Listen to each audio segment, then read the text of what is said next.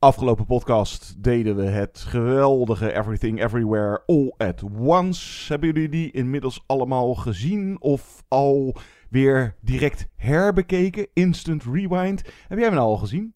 Nou, uh, klein kijkje achter de schermen van uh, de Movies Insiders podcast. Voor jullie is er een week geweest tussen deze twee afleveringen. Voor ons ongeveer een kwartiertje, want we nemen er twee op één dag op. Dus nee, nee, ik heb hem nog steeds niet gezien. Hi, I'm Laurent Perez Delmar. I wrote the music for the film The Red Turtle, and you're listening to the movie Insiders.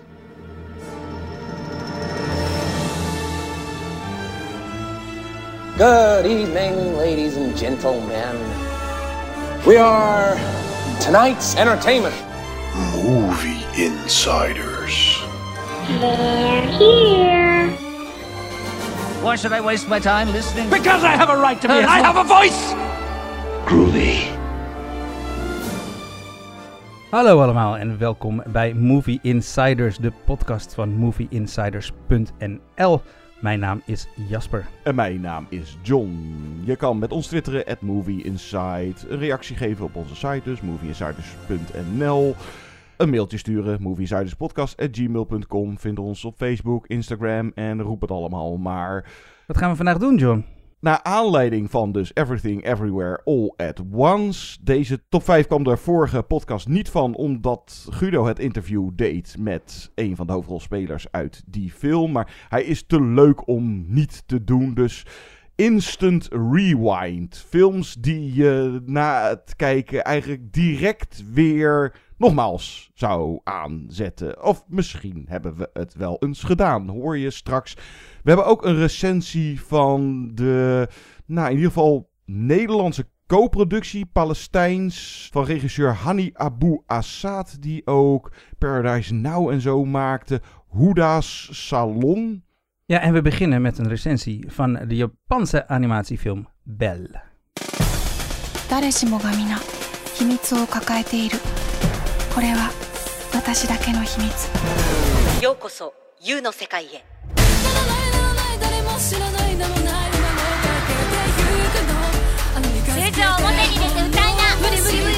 ベールのオリジンがまさかこんな辺境のど田舎にいるダッサい小娘だなんて誰も思わないって何者ベルのライブを台無しにしやがってなんとひどいことをここから出ていけ出ていけあなたは誰 Onzekere tiener Suzu woont met haar vader in een klein stadje en kan geen noot zingen zonder misselijk te worden. Dit verandert als ze zich in de virtuele wereld You begeeft en haar online identiteit Bell uitgroeit tot een popidool met miljoenen volgers. In You ontmoet ze Beest en ze gaat op zoek naar het ware gezicht achter het mysterieuze wezen. Er zit een hoop, misschien wel te veel, in deze nieuwe anime van Mamoru Hosada, die eerder Wolf Children, Mirai en het vergelijkbare Summer Wars maakte. Een van de weinige titels van hem die ik nog niet heb gezien. Heb jij die gezien? Summer Nee. Wars? Oké. Nee. Wat is hier in Bell interessanter? De online of de offline wereld of haar leven? Ja, dat is wel interessant. Sowieso ehm, ze kiezen voor een hele interessante animatiekeuze hier. Want de, de echte wereld is handgetekend. En de, zodra je You inkomt, dus de virtuele wereld, dan krijg je een soort computer-generated eh, creatieve uitbarsting. Dan is een hele andere animatiestijl. Hoewel Dus- het er nog wel uitziet als getekende animatie. Ja. Het is, ja, niet, eh, het is geen Pixar. Het is nee, maar niet, je, eh, je nou, bent wel duidelijk in een andere wereld, zeg maar. Ze kiezen echt duidelijk voor een andere stijl. Wat ik jammer vond, was dat ze die virtuele wereld eigenlijk niet heel erg uitwerken. Eh, we zien eh, die wereld als Bel erin zit, eh, als ze aan het zingen is. We zien mm, avatars naar haar kijken. Maar we weten eigenlijk helemaal niet hoe die wereld werkt. We zien af en toe een heleboel avatars rondvliegen. Er zijn 5 miljard gebruikers op dat netwerk. Ja, wat doen mensen normaal in die wereld? Wat zijn de regels? Die film die, die werpt dat betreft meer vragen op dan dat het antwoorden geeft. Maar misschien moet je daar gewoon maar in mee laten voeren. Ehm, wat ik jammer vond, is eigenlijk juist dat die spanning tussen die twee werelden niet zo werkte of zo. De, de relatie bijvoorbeeld tussen Suzu en Bel, wat dus dezelfde persoon is, eh, zou heel interessant zijn. Zij heeft dus eigenlijk een soort geheime identiteit, als een soort superheld. Maar die identiteiten verschillen nogal. Wat je zei, Suzu is het grijze muisje en Bel is een internationale superster. En wat mij betreft had de film wat meer met die spanning mogen doen tussen die karakters. Ja, het was eigenlijk ook een, uh, een rotvraag om te stellen. Want deze twee werelden, hè, dus de echte en de, de, de virtuele wereld. Ja, er is wel onderscheid, maar er is ook weer verbintenis. En daar kan je het, de hele interessante discussies over houden. Of de film er helemaal lekker uitkomt, weet ik nog niet zo goed. Maar hè, je echte en je online vaak anonieme identiteit. En welke van die twee is daar misschien de meest authentieke van? En hoeveel van je echte identiteit zie je terug in je online identiteit? Of ga je, uh, zoals hier, hè, uh, Bel, uh, de, de, pop-idool, of eigenlijk een soort van, je kan je, je droom laten uitkomen, maar zit er niet altijd ook uh, veel van jouzelf weer in verstopt. En ze kan natuurlijk, hè, uh, ze is verlegen en introvert en kan daar zichzelf wel. Maar er zitten ook in die You, er zitten bijvoorbeeld wel weer interessante dingen in. Als dat je kan een, een soort van straf krijgen dat je offline identiteit onthuld zou worden. Als je binnen die virtuele wereld te veel misdraagt of zo. En in het geval van die beest, hè, want die gaat er nogal agressief aan toe.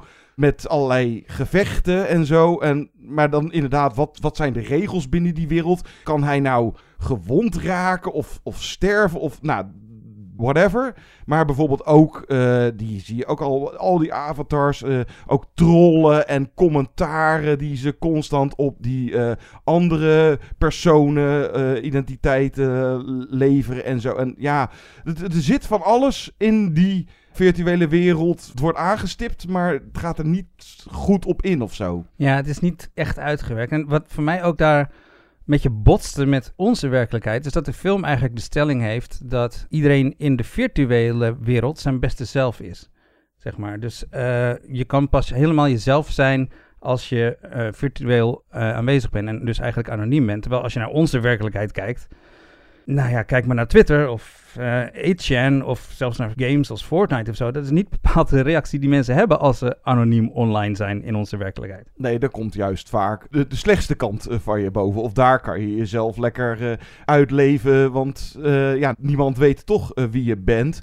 Trouwens, dat You, het ziet er qua design ook fantastisch uit. Ik las ergens dat hij een een Londense architect heeft gevraagd om dat te ontwerpen. Die enorme, ja, soort van stad is het ook of zo. Maar dan zonder dat er echt iets van grenzen aan zit of zo. En nou, dat, indrukwekkend en uh, beeldschoon. Met al die uh, inderdaad uitbundige avatar-figuurtjes. En al die teksten. Het is nogal een drukke, wilde bedoeling tijdens die scènes. En daarom zat ik veel liever in de, tussen aanhalingstekens, de echte wereld. Waarin uh, Suzu gewoon, zeg even, zichzelf is. Nou, daar komt bij kijken dat ze met een trauma zit. Omdat ze op jonge leeftijd haar moeder verloor.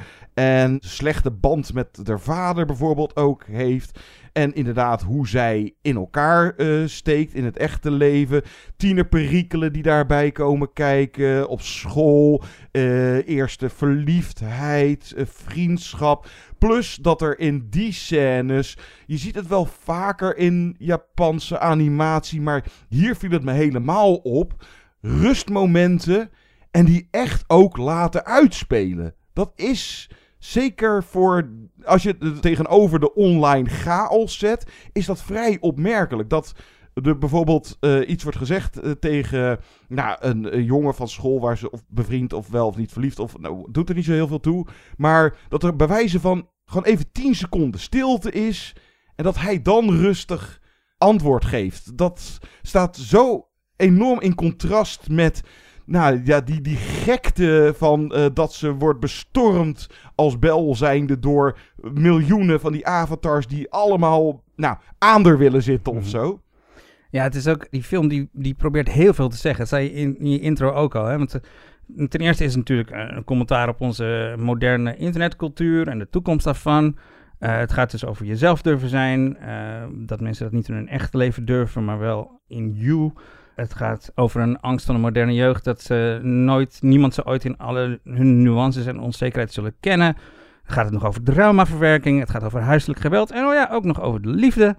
Dus hij heeft echt, wil je heel veel zeggen, maar of het nou allemaal uit de verf komt. Ik vind bijvoorbeeld dat kritiek op de internetcultuur is niet heel erg origineel, vind ik. Ik bedoel, in You, eh, ja, sommige mensen die zien het als therapeutisch hulpmiddel. En wat je al zei, anderen eh, zijn een soort trollen en zitten vol met onvrede. Ja, datzelfde hebben we toch allemaal wel eerder en ook wel beter gezien. En ook het thema van uh, rouwverwerking hebben we eerder beter gezien. Huiselijk geweld al helemaal. Ja, en die liefde, ja, dat verhaaltje tussen Suzu en Shinobu heet, haar love interest. Dat werkt op zich wel. Wat ik daar alleen een beetje wrang aan vond, of een beetje ja, vond botsen, was dat zij leert eigenlijk in deze film, Suzu, dat grijze meisje, om onafhankelijk te zijn en op haar eigen benen te staan. En vervolgens heeft dus een love interest die haar ziet als iemand die hij moet beschermen. Ja, omdat dat, ze kennen elkaar al van jongs af aan en nou, dat, dat speelt allemaal uh, mee.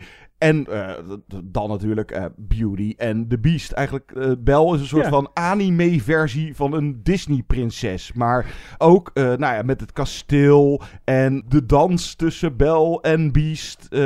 nou, volgens mij heeft hij of toestemming van Disney gekregen... of hij is daar, dat las ik allemaal in een interview met hem... ook op bezoek geweest. En heeft een animator van Disney die dat eerder... Nou, hij zal vast toestemming hebben gekregen... want het is bijna letterlijk een kopie van Beauty and the Beast. Ja, maar het duurde wel even voordat ik het door had. Oké. Okay. Ik, ik bedoel, het duurde even voordat je echt de, de, de ballroom scenes en zo kreeg. Maar wat ik me vooral daarbij afvroeg was, waarom? Want wat voegt die link met Beauty and the Beast nou nog toe aan het verhaal wat hij probeert te vertellen? Waarom nou ja, vertelt hij niet gewoon een origineel verhaal, zeg maar? Ja, het, het thema van Beauty and the Beast, ja, dat is maar... sowieso wel iets waar hij eerder uh, dat Wolf Children, maar bijvoorbeeld ook uh, The Boy and the Beast...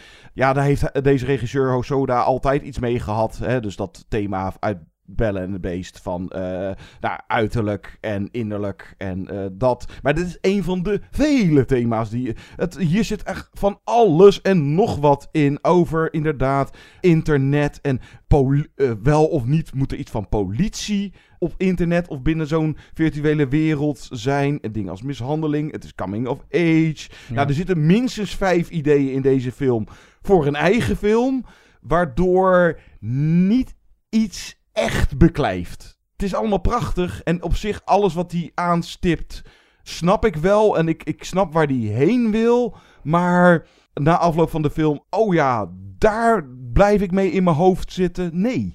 Nee, en ik, ik vond ook dat er een paar ja, soort scenario-problemen in zaten. Misschien lag, lag het aan mij, maar bijvoorbeeld uh, in de eerste acte van de film had ik het gevoel dat ik een paar scènes miste of zo. Want op een gegeven moment, zij gaat die virtuele wereld in. En even later kwam ik erachter van, oh, haar vriendin is haar choreograaf en businesspartner geworden ergens zonder dat ik het door had of zo. En, uh, ja. Ja, ik, ik miste daar een paar scènes om goed te kunnen begrijpen wat die virtuele wereld was, hoe het in elkaar staat, wie, wie was online en wie, wie was offline. Misschien was dat ook wel expres, ik weet het niet. En wat ik ook heel vreemd vond, zeg maar, het statement is dus, online kan je zijn wie je echt wil zijn. Uh, zij durft in het echte leven niet te zingen. Zij stapt voor het eerst die virtuele wereld in. En in seconde één begint ze te zingen. Ze kijkt niet eerst even om zich heen naar deze totaal bizarre, knalgekke wereld waar ze instapt. Seconde één is ze veranderd en begint ze te zingen. Ja, nou, dat zijn van die dingen die. Uh, dat is gewoon zo, blijkbaar. Het, uh, je, je moet er inderdaad niet te, te nitpikken. Of hoe, hoe zeg je dat? Uh, mierenneukerig naar. Nee, inderdaad, zo van. nou ja, dus heel veel thema's worden aangehaald waar je echt wel over na zou kunnen denken. Maar heel veel van dat soort uh, dingetjes, noem het even schoonheidsfoutjes of zo. Daar moet je misschien maar niet te veel. Dat moet je maar gewoon accepteren als zijnde van. Nou ja, dat is dan maar blijkbaar zo. Maar kijk, dat het prachtige animatie is. Jeetje, de details. Uh, niet alleen in uh, You, de virtuele mm. wereld. Maar ook gewoon de details in de echte wereld. Ja, er zit af en toe bijna fotorealistische animatie in of zo. In ja, de echte wereld. Ik, nogmaals, las dus uh, dat ze ook voor. Nou, bepaalde. Wat was dat nou? Ik geloof het natuurgebied rond het kasteel van Beast. Hadden ze Cartoon Saloon. Uh, Tom Moore van uh, Song of the Sea en Wolfwalkers. Die heeft daar weer iets voor aangeleverd. En die walvissen die er door die wereld vliegen. De regisseur heeft sowieso iets. Een soort walvis fetish. maar het wil echt te veel. En is te ambitieus. En ik ben altijd wel een soort van nou ja, voorstander, of ik vind het nooit erg. Liever dat een regisseur te ambitieus is en dan half op zijn bek gaat, dan dat hij het niet eens probeert. Maar dat, Maar- maar, dat dan liever bij een, bij een debuterende regisseur. Ik bedoel, dit is een ervaren regisseur die, die eigenlijk dit soort fouten niet meer, die niet meer op zijn bek zou moeten gaan. Ja, en ik weet niet of je eh, eerder werk van hem gezien hebt. Ja, Mirai en... eh, Eh, en, ja. en Wolf Children Ja. bijvoorbeeld of zo. Ja, dus, en dat Summer Wars, de- die heb ik dan nog niet gezien. Maar dat schijnt nou ja, vrijwel identiek te zijn. Ook, over met de virtuele internet, wereld, de virtuele wereld of zo. Alsof hij in Bell eh, een soort van best-of alles in één van wat hij tot nu toe eerder aan thema's in zijn films Ja. had zitten. En dat zorgt voor een adembenemend mooie film om naar te kijken. Maar het vliegt een beetje alle kanten op. Dan gaan we denk ik, eh, want wat erg mooi is in deze film, eh, is de muziek. Het is geen musical, maar Hosada die creëert wel genoeg momenten voor eh, zijn hoofdrolspeelster en hoofdrolzangeres Kaho Nakamura om eens goed te belten in deze film. Eh, welke nummer gaan we draaien, John? Eh, geen idee. Ik heb, het, eh, ik heb niks uitgekozen. Sowieso zag ik ook dat er drie compo... Ik heb even de namen niet opgezet. Drie componisten ook. Mhm. En het, nou ja, dat de, de muziek goed verzorgd is. We laten in ieder geval een stukje waarin ze ook zingt horen. Straks nog een bespreking van Huda Salon en een top 5 instant rewind. Eerst dus wat muziek uit Bell.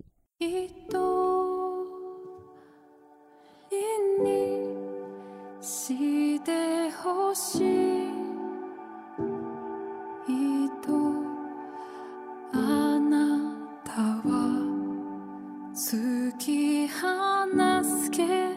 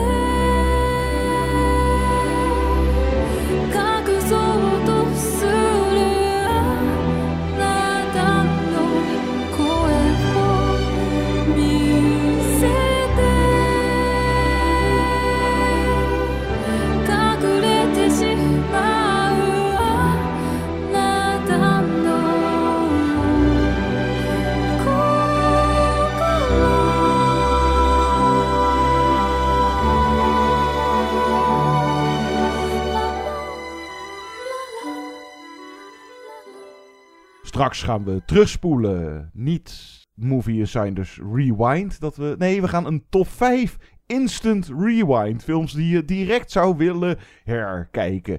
Eerst een recensie van Huda's Salon. هو جوزي مخليني اتنفس ولا شيء لساته مفكر اني بحب واحد ثاني ما طلعت من الصبح كل هالوقت مع صاحبك بحياتك امزح معك هاي مش مزحه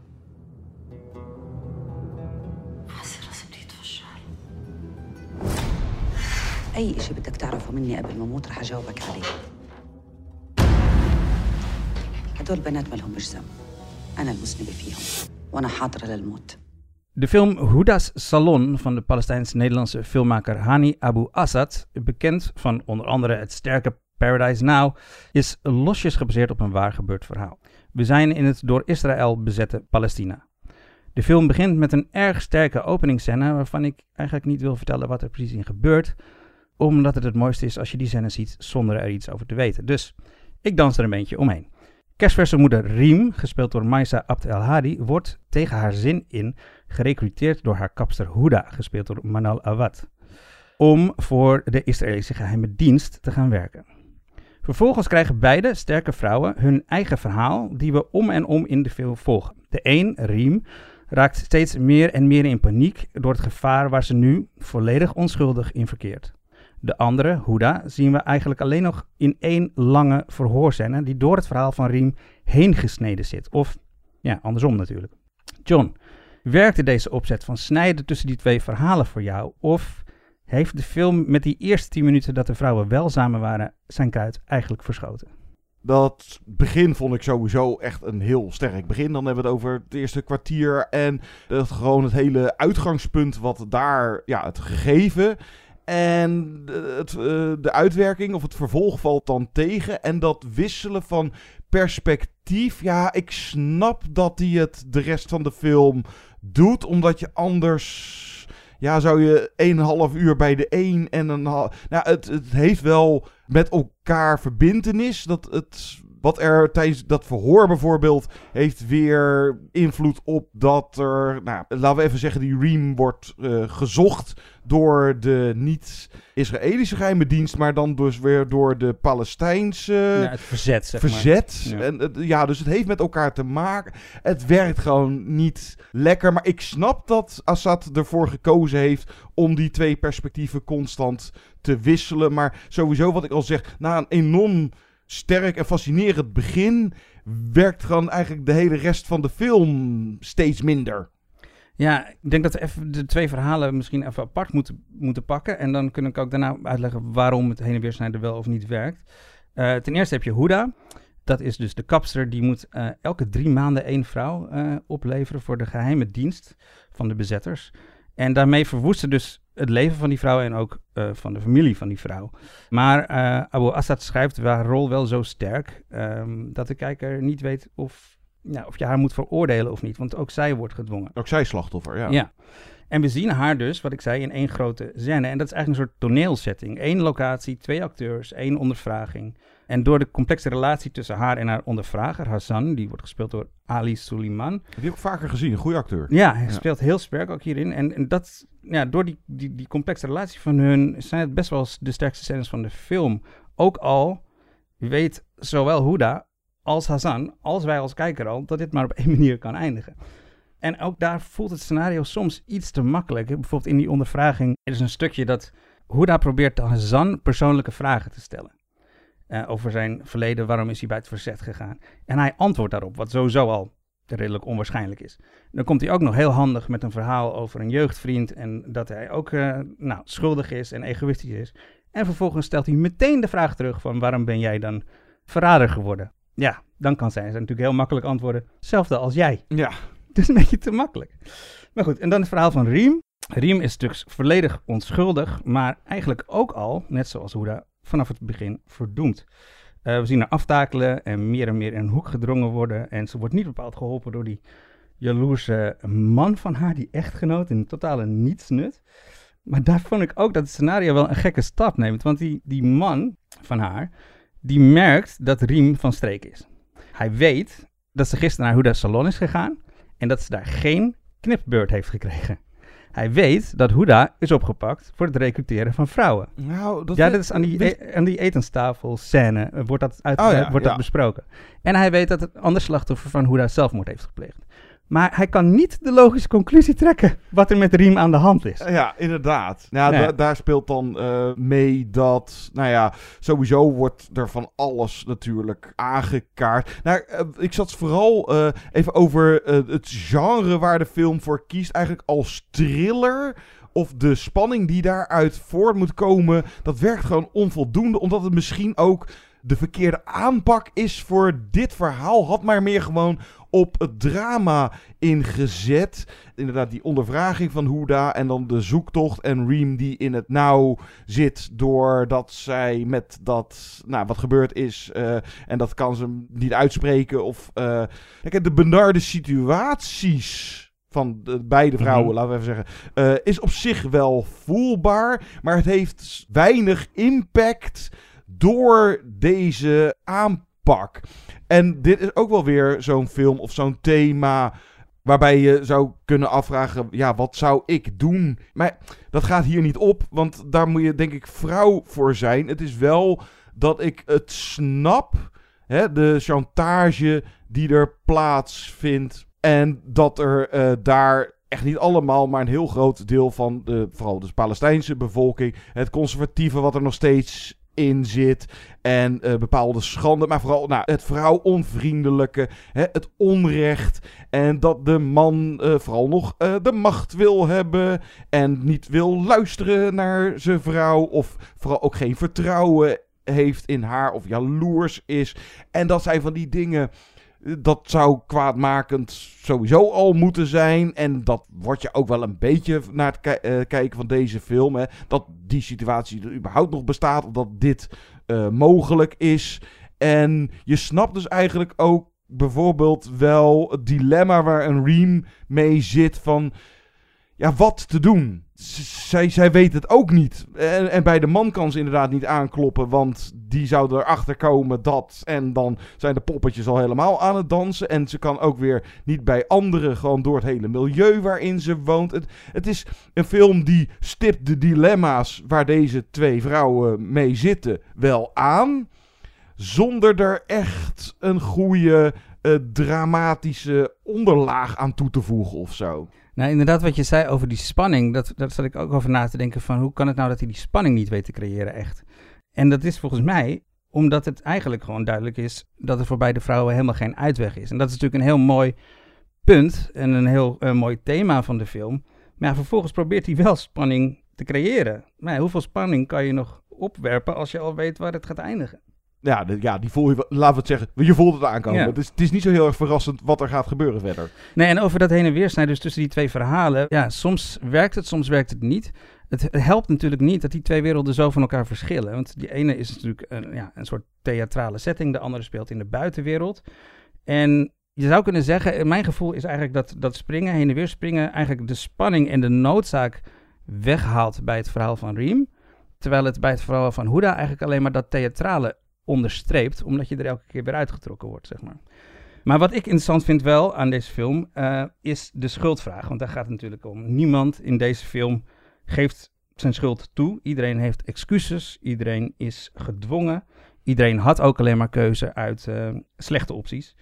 Maar ook de schuldvraag als in wie zijn de slechterikken. Want de mannen die op Riem jagen bijvoorbeeld, die, eh, waar ze voor aan het vluchten is, dat is haar eigen volk.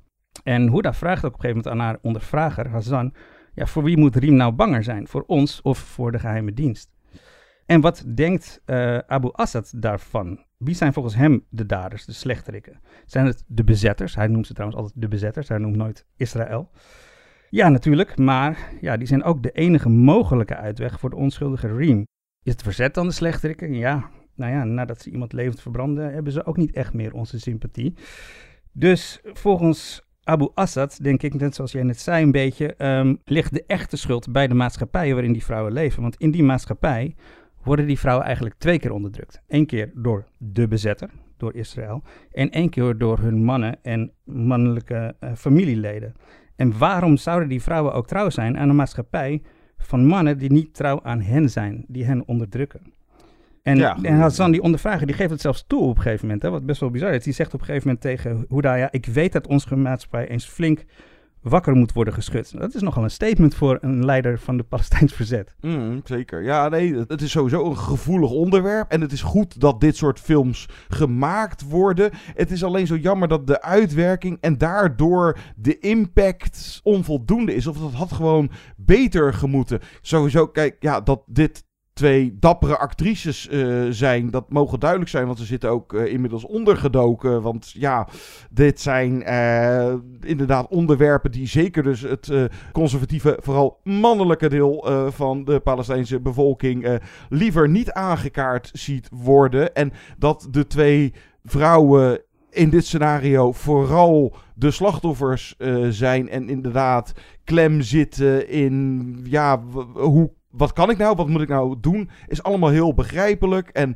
en de mannen, hoewel ze hier ook weer niet volledig als de bad guys. Ze, ze zijn, er zitten wat grijstinten aan. Haar, zelfs de man van Reem.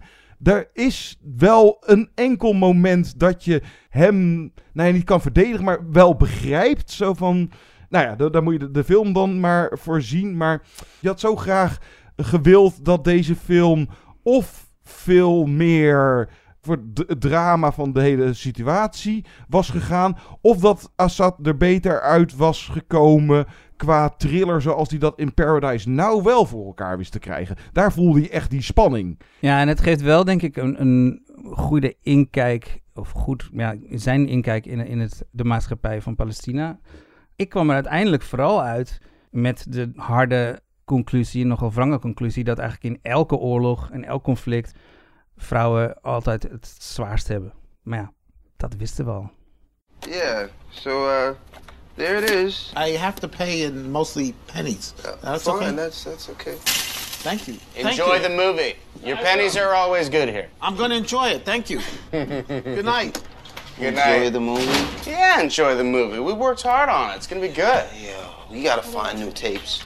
We're gonna get caught. We can't keep doing this. What are you talking about? It's going fine. So far, so good. What? When Miss Followitz sees Ghostbusters, Our version is better than she's the original. She's gonna say something opinion. to Mr. Fletcher. First of all, our version is only 20 minutes. Yeah, yeah, but 20 minutes, it's all the brain can concentrate for. It's the perfect duration. It's a biological fact. I study this, Yeah. I know. And besides, Mrs. Fallowitz has never seen a science fiction movie before. She might think all of them are 20 minutes long. And isn't she a little kooky?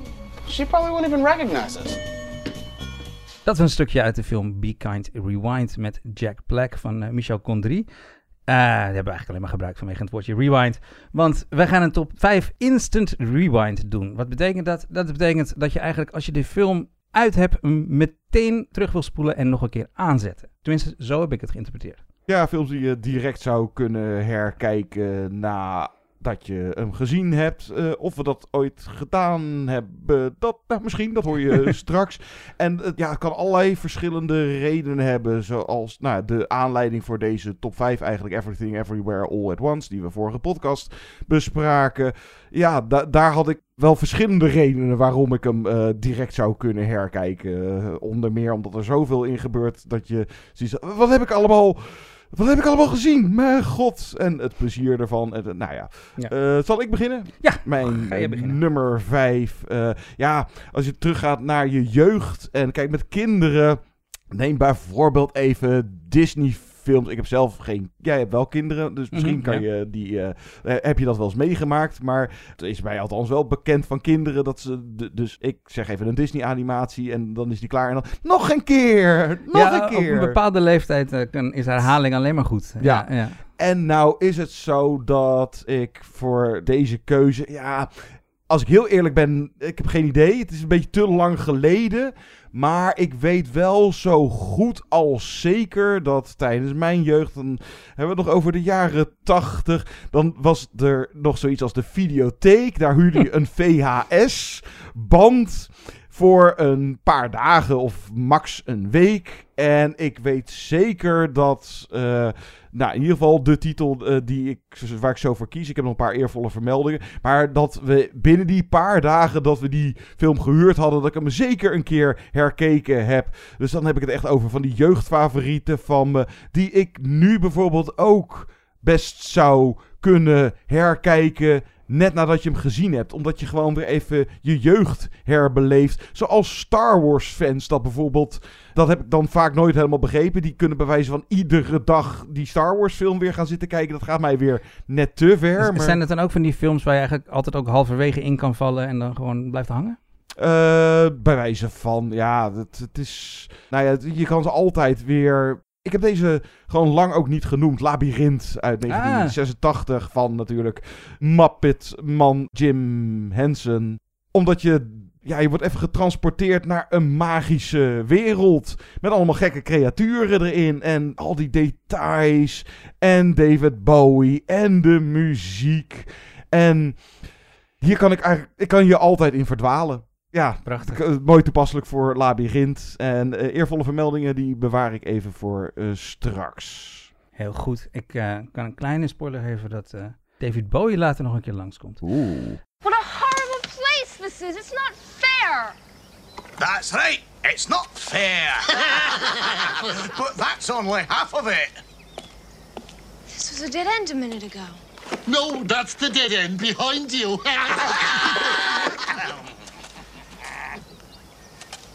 It keeps changing. What am I supposed to do? well, the only way out of here is to try one of these doors. One of them leads to the castle at the center of the labyrinth, and the other one leads to certain death. Mijn eh, top 5. mijn nummer 5 bedoel ik. Ja, ik wil eigenlijk beginnen met de enige film waarbij ik dit letterlijk gedaan heb. Oké. Eh, maar dat was niet uit eigen beweging. Eh, dat was Je moest. de- dat was, dat moest. Het was deel van mijn studie film en televisiewetenschappen. Eh, het is ook misschien een beetje vals spelen. Want het is niet exact dezelfde film. Maar toch, we keken eh, in het oude filmmuseum, in het Vondelpark was dat nog. Ridley Scott's Blade Runner uit 1982 en dan in de originele versie. En meteen erachteraan de director's cut. Of de, ja, want je hebt er geloof ik drie of vier versies. Ja, nu, op dat moment waren er nog, was er nog maar één Ah, of ja. twee director's cuts. Ehm, die films verschillen ook heel weinig van elkaar, een paar scènes. Het grote verschil, het belangrijkste verschil, is dat de voice-over van Harrison Ford, die in het originele zit, overal onder zit, want het is natuurlijk een film noir, in de director's cut helemaal verdwenen is. En dat einde is anders, geloof ik. toch? En het einde is Ja. anders. Maar eh, die voice-over is dus helemaal weg. En die voice-over geeft je heel veel informatie. Maar wat blijkt, als je die film zonder voice-over ziet, is die ook prima te volgen. Dus ja, op nummer 5, de enige film die ik echt twee keer achter elkaar heb gezien. Blade, Blade Runner. Maar zou je, eh, de, vind je Blade Runner zo gaaf dat je hem ook uit jezelf twee keer achter elkaar, dat, dat niet? Nee, ik zou hem zeker niet twee keer achter elkaar kijken. Ja, Nee. Nou ja, twijfel. Nou ja, het is natuurlijk wel interessant met die twee verschillende versies. Ja, dat is ja, natuurlijk wel dat zou ik bij wijze van dan ook nog wel kunnen doen. Maar Als ik je- vroeg me ook nog wel af inderdaad met die voice-over, want ik be- ik begreep hem ook zonder voice-over. Maar ja, dat was wel dat ik- meteen nadat ik hem met voice-over had Ja, gezien. en dat je de film al kende. Ja, precies. Zou je de film goed kunnen volgen zonder die... Ja, Ja. vast wel. Zo wel. moeilijk is Blade Runner dan ook weer niet. Voor mijn nummer vier een film ja, waar het eigenlijk in tweede instantie pas gebeurde. Almost Famous uit 2000. Die ik toen die uitkwam, dus zo rond de eeuwwisseling, echt wel heb gezien. En toen, zeg even een tien jaar later, heb ik die film herontdekt. En ik maakte daar een klik mee. En nou, ik heb de afgelopen jaren die film zo vaak gekeken. Het is inmiddels mijn eh, nummer drie aller tijden.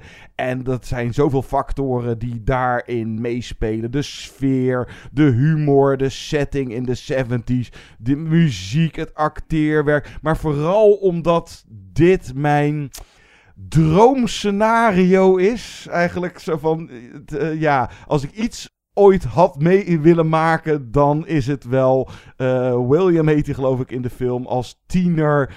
eh beginnend journalist en dan met zo'n band mee op tournee. Met allemaal losse wilde dames, ontmaagd worden, seks, drugs en rock and roll.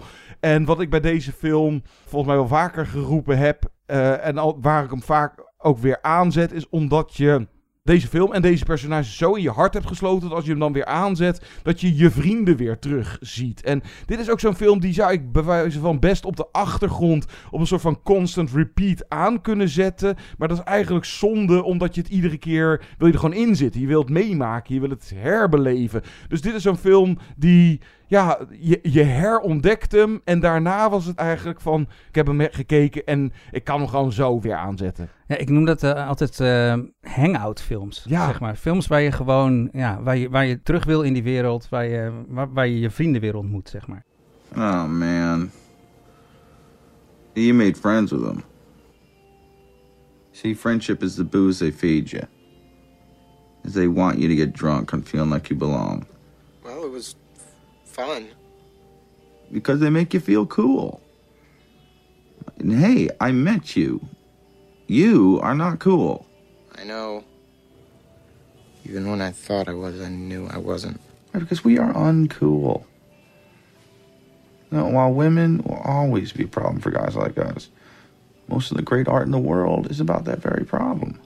Op nummer 4, een hele obvious. Maar eerst eventjes. De eerste keer dat ik me kan herinneren dat het einde van de film een twist had, zo'n what the fuck moment was. Dat was eigenlijk de eerste Planet of the Apes film in 1968. Het is een hele oude film, maar ik zal niet verraden. Die twist was heel geweldig, maar eh, het zette niet de hele film op zijn kop, zodat je het nog een keer moest terugkijken. Eigenlijk begreep je meteen allemaal wat er aan de hand was. Dus, op 4, de eerste herinnering die ik heb dat dat wel gebeurde. Een hele voor de hand liggende keuze, denk ik. The Usual Suspects van Brian Singer uit 1995. Ehm, ik vond het toen briljant hoe die film in elkaar stak. eh, hoe je puzzelstukjes werd gegeven, maar de film liet je de puzzel eigenlijk gewoon niet oplossen. Tot dat einde. die twist. En dan vallen al die stukjes in elkaar. En dan wil je hem eigenlijk inderdaad meteen nog een keer kijken om te kijken of alles klopt. Hè? En of je het toch had kunnen weten. Ik moet wel zeggen dat ik sindsdien, dus sinds, wat was het, zei ik, 1995, de film niet meer gezien heb. Ah, dus eh, ik vraag me af eh, ja, hoe goed die stand houdt. Ik heb er altijd wel moeite mee gehad met die film. Ja? Hij is eh, ja, goed gemaakt, eh, goed geacteerd. Maar er zijn wat dingen in het script, dat, daar prik ik dan te makkelijk doorheen Hmm. of zo. Als hij zo'n het, het meest geniale, meestelijke criminele brein is, waarom zit hij dan überhaupt tegenover die politieagent? Maar bijvoorbeeld... Dat eh, was het plan al along. Ja, ja, zoiets. Maar in ieder geval, dat was de eerste keer dat ik me kan herinneren dat er een twist was wa- waardoor de film op zijn kop werd gezet. Voor En mij. dan, ja, direct eh, nog een keer aanzetten van, hey, Ja. ja, wat, hoe zat het nou allemaal precies? He's supposed to be Turkish. Some say his father was German. Nobody ever believed he was real. Nobody ever knew him or saw anybody that ever worked directly for him. But to hear Kobayashi tell it anybody could have worked for Soze, you never knew. That was his power.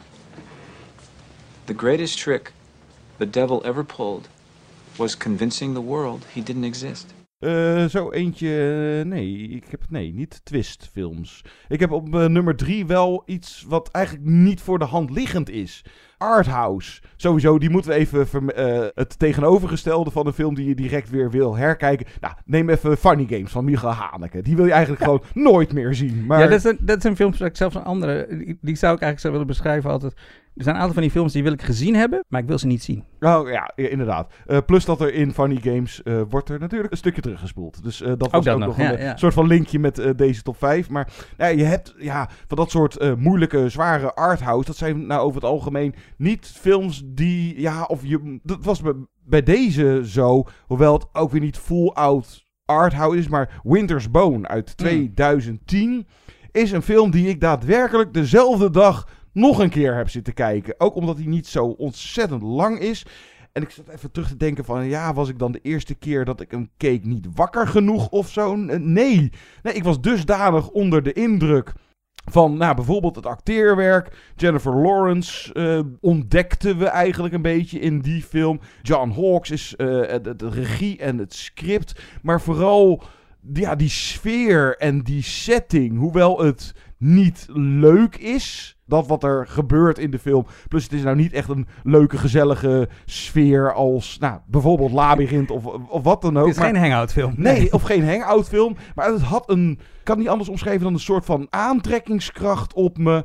Om die film direct nog een keer aan te zetten. Om de bevestiging te krijgen van ik heb echt iets geweldigs nu gezien. Het werd uiteindelijk ook mijn nummer 1 van dat jaar. Plus om weer even, ja, ik was er nog niet klaar mee. Hup, dan nog maar een keer aanzetten.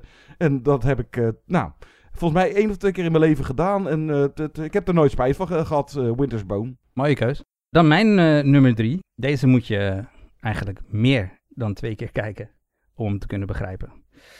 En als je hem dan een keer of drie of vier gezien hebt, dan moet je eigenlijk nog een zootje artikelen lezen en een paar YouTube-filmpjes kijken en liefst allemaal diagram hebben van alle tijdlijnen. Misschien wel de meest ingewikkelde tijdreisfilm ooit. Primer uit 2004 Oh ja. van Shane Carruth. Eh, Shane Carruth, die trouwens gek genoeg van de radar verdwenen is. Hij heeft één film nog gemaakt in 2013 na Primer, terwijl dat was dus al negen jaar later en daarna niks meer van hem gehoord. Nou ja, ik dacht, ja, ik dacht dat hij nog wel iets deed, maar... Of ergens nog mee bezig was. In ieder geval op zijn IM- IMDb-credits eh, is Hmm. het eh, krekels. Ja, vraag, het is een low-budget film. Heel erg low-budget. Dus het, het geniale, het ingenieuze zit vooral in het scenario. Eh, vraag me niet om een synopsis van de film. Daar ga ik me niet aan wagen. Ze kunnen tijdreizen. Precies. Hij won prijzen op andere, andere Sundance. Ik zou zeggen, als je hem nog niet gezien hebt, zet hem gewoon eens aan. En dan nog eens. En dan nog eens. En dan nog eens. Ja, sommige films zoals dat, dat, ja, die zeggen eigenlijk gewoon al tijdens de film tegen je... Ja, dit moet je nog een keer gaan kijken. Of wil je het überhaupt kunnen snappen? Ik weet even de titel niet meer, maar er schiet me ergens in mijn achterhoofd ook zoiets te binnen van zo'n film die dat ook echt... Dit, dit is te ingewikkeld voor je. Dit moet jij straks nog een keer gaan kijken. Ja, dikke vinger, dan moet je veel maar beter zijn. Dag!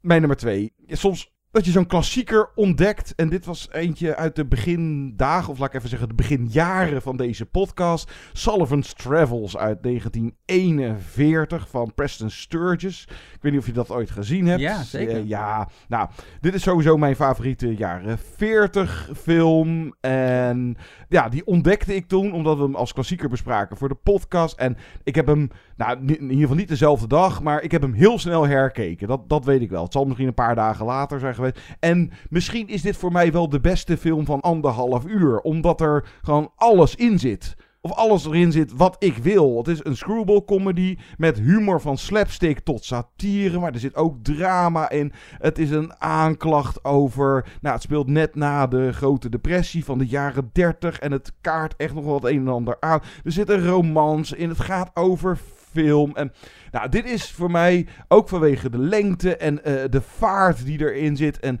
als je iets tegen oudere klas, eh, films of eh, oude zwart-wit films, geef dit bijvoorbeeld eens een kans. En laat je betoveren door dat soort films. Werden in die tijd ook gewoon. Dit is nou, hier kunnen sommige moderne films nog een, een puntje aanzuigen. Eigenlijk, dit is zo'n film die kan ik gewoon blijven aanzetten en blijven kijken. En in anderhalf uur krijg je gewoon, nou, wat je wil hebben in een film. Sullivan's Travels. You want to make your brother wear out, though? Yes. Now, wait a minute. Then go ahead and make it. What you're getting, I can't afford to argue with you. That's a fine way to start a man out on a million dollar production. You want it, you've got it.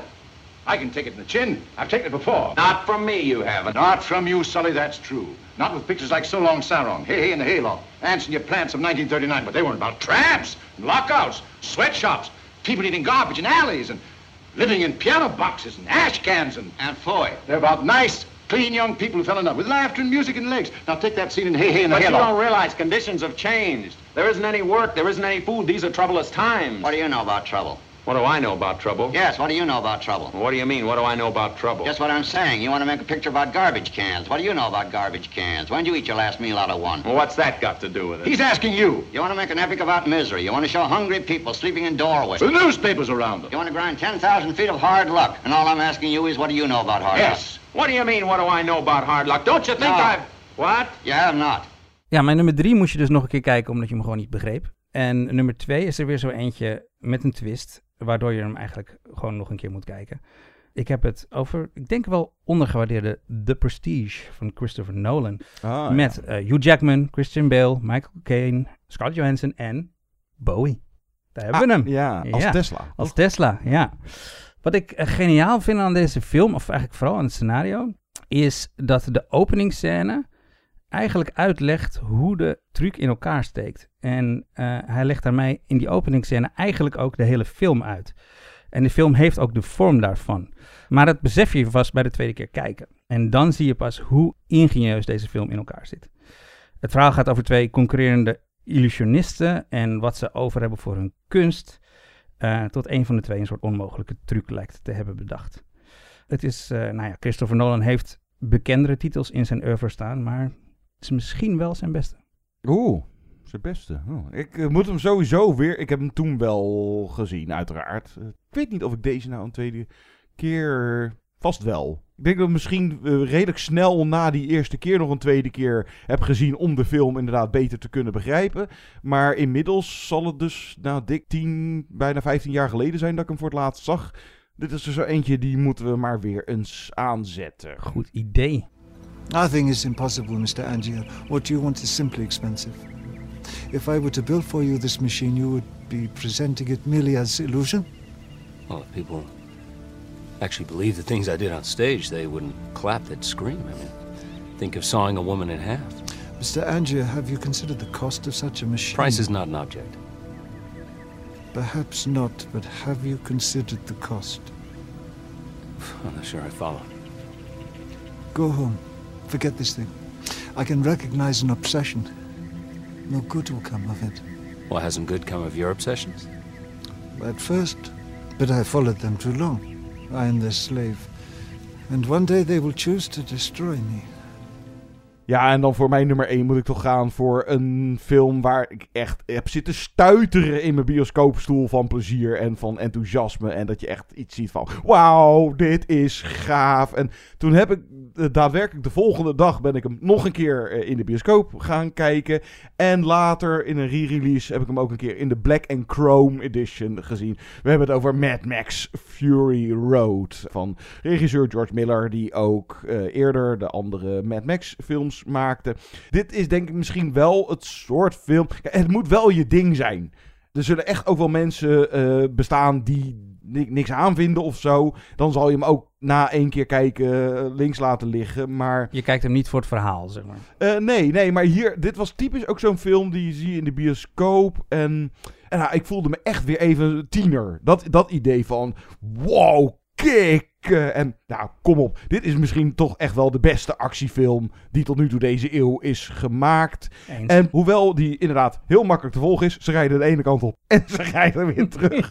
maar er gebeurt, en zeker qua details zit er in Mad Max Fury Road zoveel, dat ik echt na de eerste keer ook wel het gevoel had van, wat, wat heb ik gezien? Of wat heb ik gemist? Want ja, er komt van alles voorbij, maar vooral, ja, dit soort escapisme. En dan zal ik nog even mijn eervolle vermeldingen, maar ja, daar hebben we het zo over. Dat vooral escapisme, hangout films, die kan je gewoon herkijken. Komt hij ook niet binnenkort met een nieuwe film? Eh, ja, klopt. Geen Mad Max, maar Nee, een, een, een Het- andere iets anders. Ach, maar ik ben wel benieuwd, wat je, wat, waar kom je mee nadat je Mad Max Fury Road hebt gemaakt? ja, benieuwd. Oké, dan eh, mijn nummer 1. Dit is dus mijn hangout film. Deze het niet, eh, zou ik dus niet per se nog een keer zien vanwege de twist of zo, maar gewoon ja, omdat je hem nog een keer wil zien, meteen. En omdat je eigenlijk helemaal niet wilde dat hij eindigde. Omdat je wilt blijven in die wereld en bij die mensen waar je de afgelopen drie uur bij was. Dat was in ieder geval mijn ervaring toen ik Quentin Tarantino's Once Upon a Time in Hollywood zag. Ah, ja. Ja, ik kon niet terugspoelen, want ik zat in de bioscoopzaal. Maar het liefst eh, ja, was ik meteen de volgende voorstelling weer ingegaan. Uiteindelijk heeft die film slechts geloof ik maar nummer 5 van dat jaar gehaald. Maar als ultieme hangout film vind ik hem echt wel onverslaanbaar. Eh, de film neemt echt heel erg zijn tijd. Eh, je, je merkt dat Tarantino geeft, dat de film geeft om die personages. En dat Tarantino houdt van die tijd waarin het inspeelt. Hij houdt van die plekken waar het speelt. Het is gewoon echt een heerlijke film. Het is Tarantino op zijn meest empathisch sowieso. Misschien moeten we, als hij eh, zijn tiende en laatste film gemaakt heeft, Zegt hij nog steeds. maar- zegt hij, misschien moeten we dan maar eens een eh, top 5 Tarantino doen. En deze zou wel eens hoog kunnen komen bij mij. It's official, old buddy. Well, has been.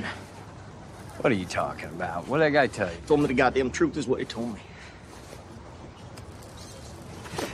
Whoa, whoa. Hey, I'm sorry about that. I'm sorry about that. here, put these on.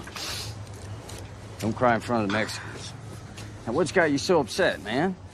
Well, coming face to face with the failures that is your career ain't worth crying about, then I don't know what the fuck is. Right, that guy in there turned you down?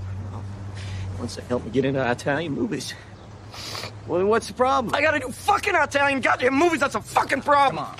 Fucking bullshit. Your hands, your hands. No matter where I cry in public, nobody remembers the fuck I am anyway. huh? Trial, the Hall of Justice here in town. The defense will try to prove.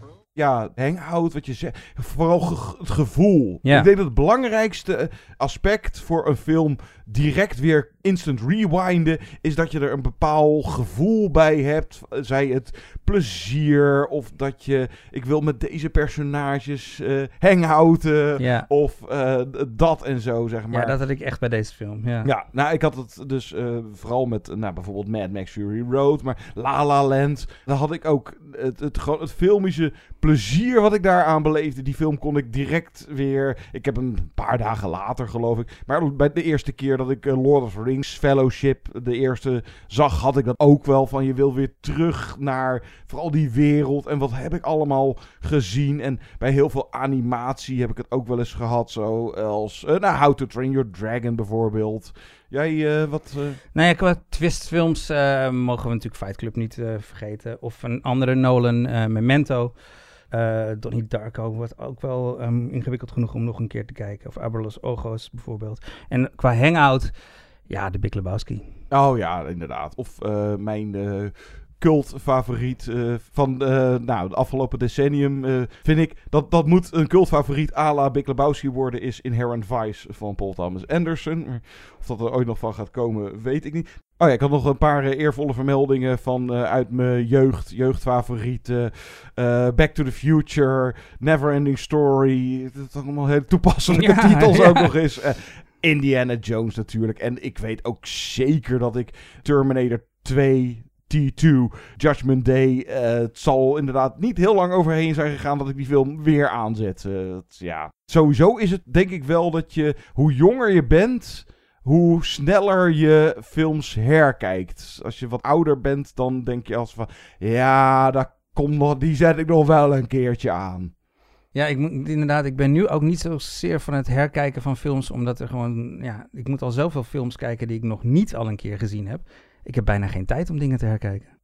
Als je nu alweer bent vergeten wat nou onze keuzes waren, dan moet je deze top 5 of deze podcast direct weer terugspoelen. Dat, dat kan. Je kan er gewoon weer terugscrollen in de tijd. Of vanaf begin af aan weer. eh.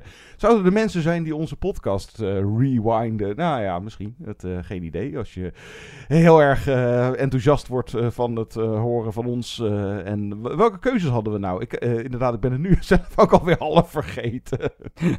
maar ik hoop dat het een leuke top 5 was. Instant Rewind. Eerstvolgende podcast eh, hangt allemaal weer in de lucht. We weten het niet. Het- Ja, maar het is voor ons ook wel nogal ver weg, eh, wat we zeiden. We Ja. nemen deze twee, twee achter elkaar op, deze en de vorige. Dus eh, de Ja, we- podcast is voor ons best een eentje weg nog. Ja, we weten wel wat eruit gaat komen. Er is in ieder geval die sequel van Top Gun. Ja, en er komt hebben. een nieuwe David Cronenberg aan, Crimes Ja. of the Future. En nou, Guido zit nog in kan of is inmiddels terug. En wie doet de eerstvolgende podcast? Wij of jullie of ik en...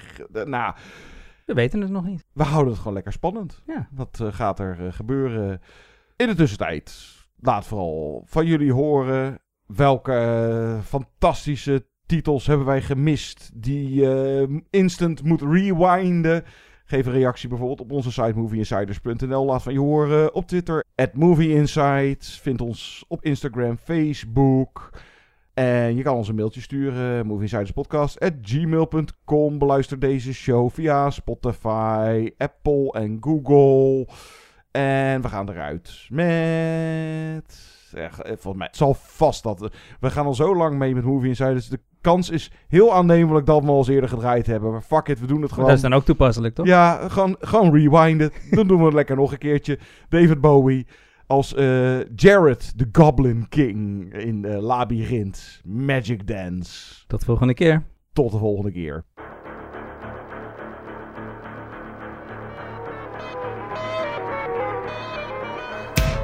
You remind me of the babe. Babe with the. Power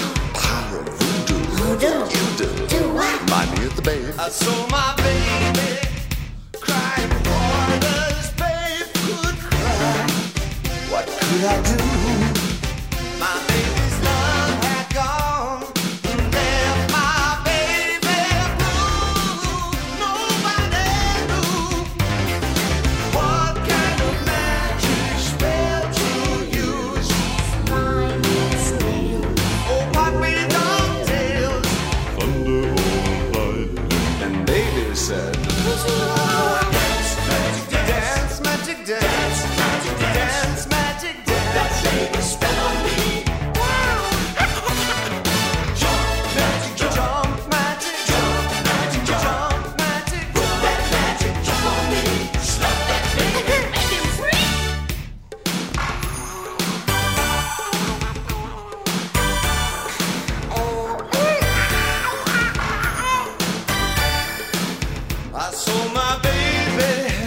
Trying hard as babe could try. What could I do?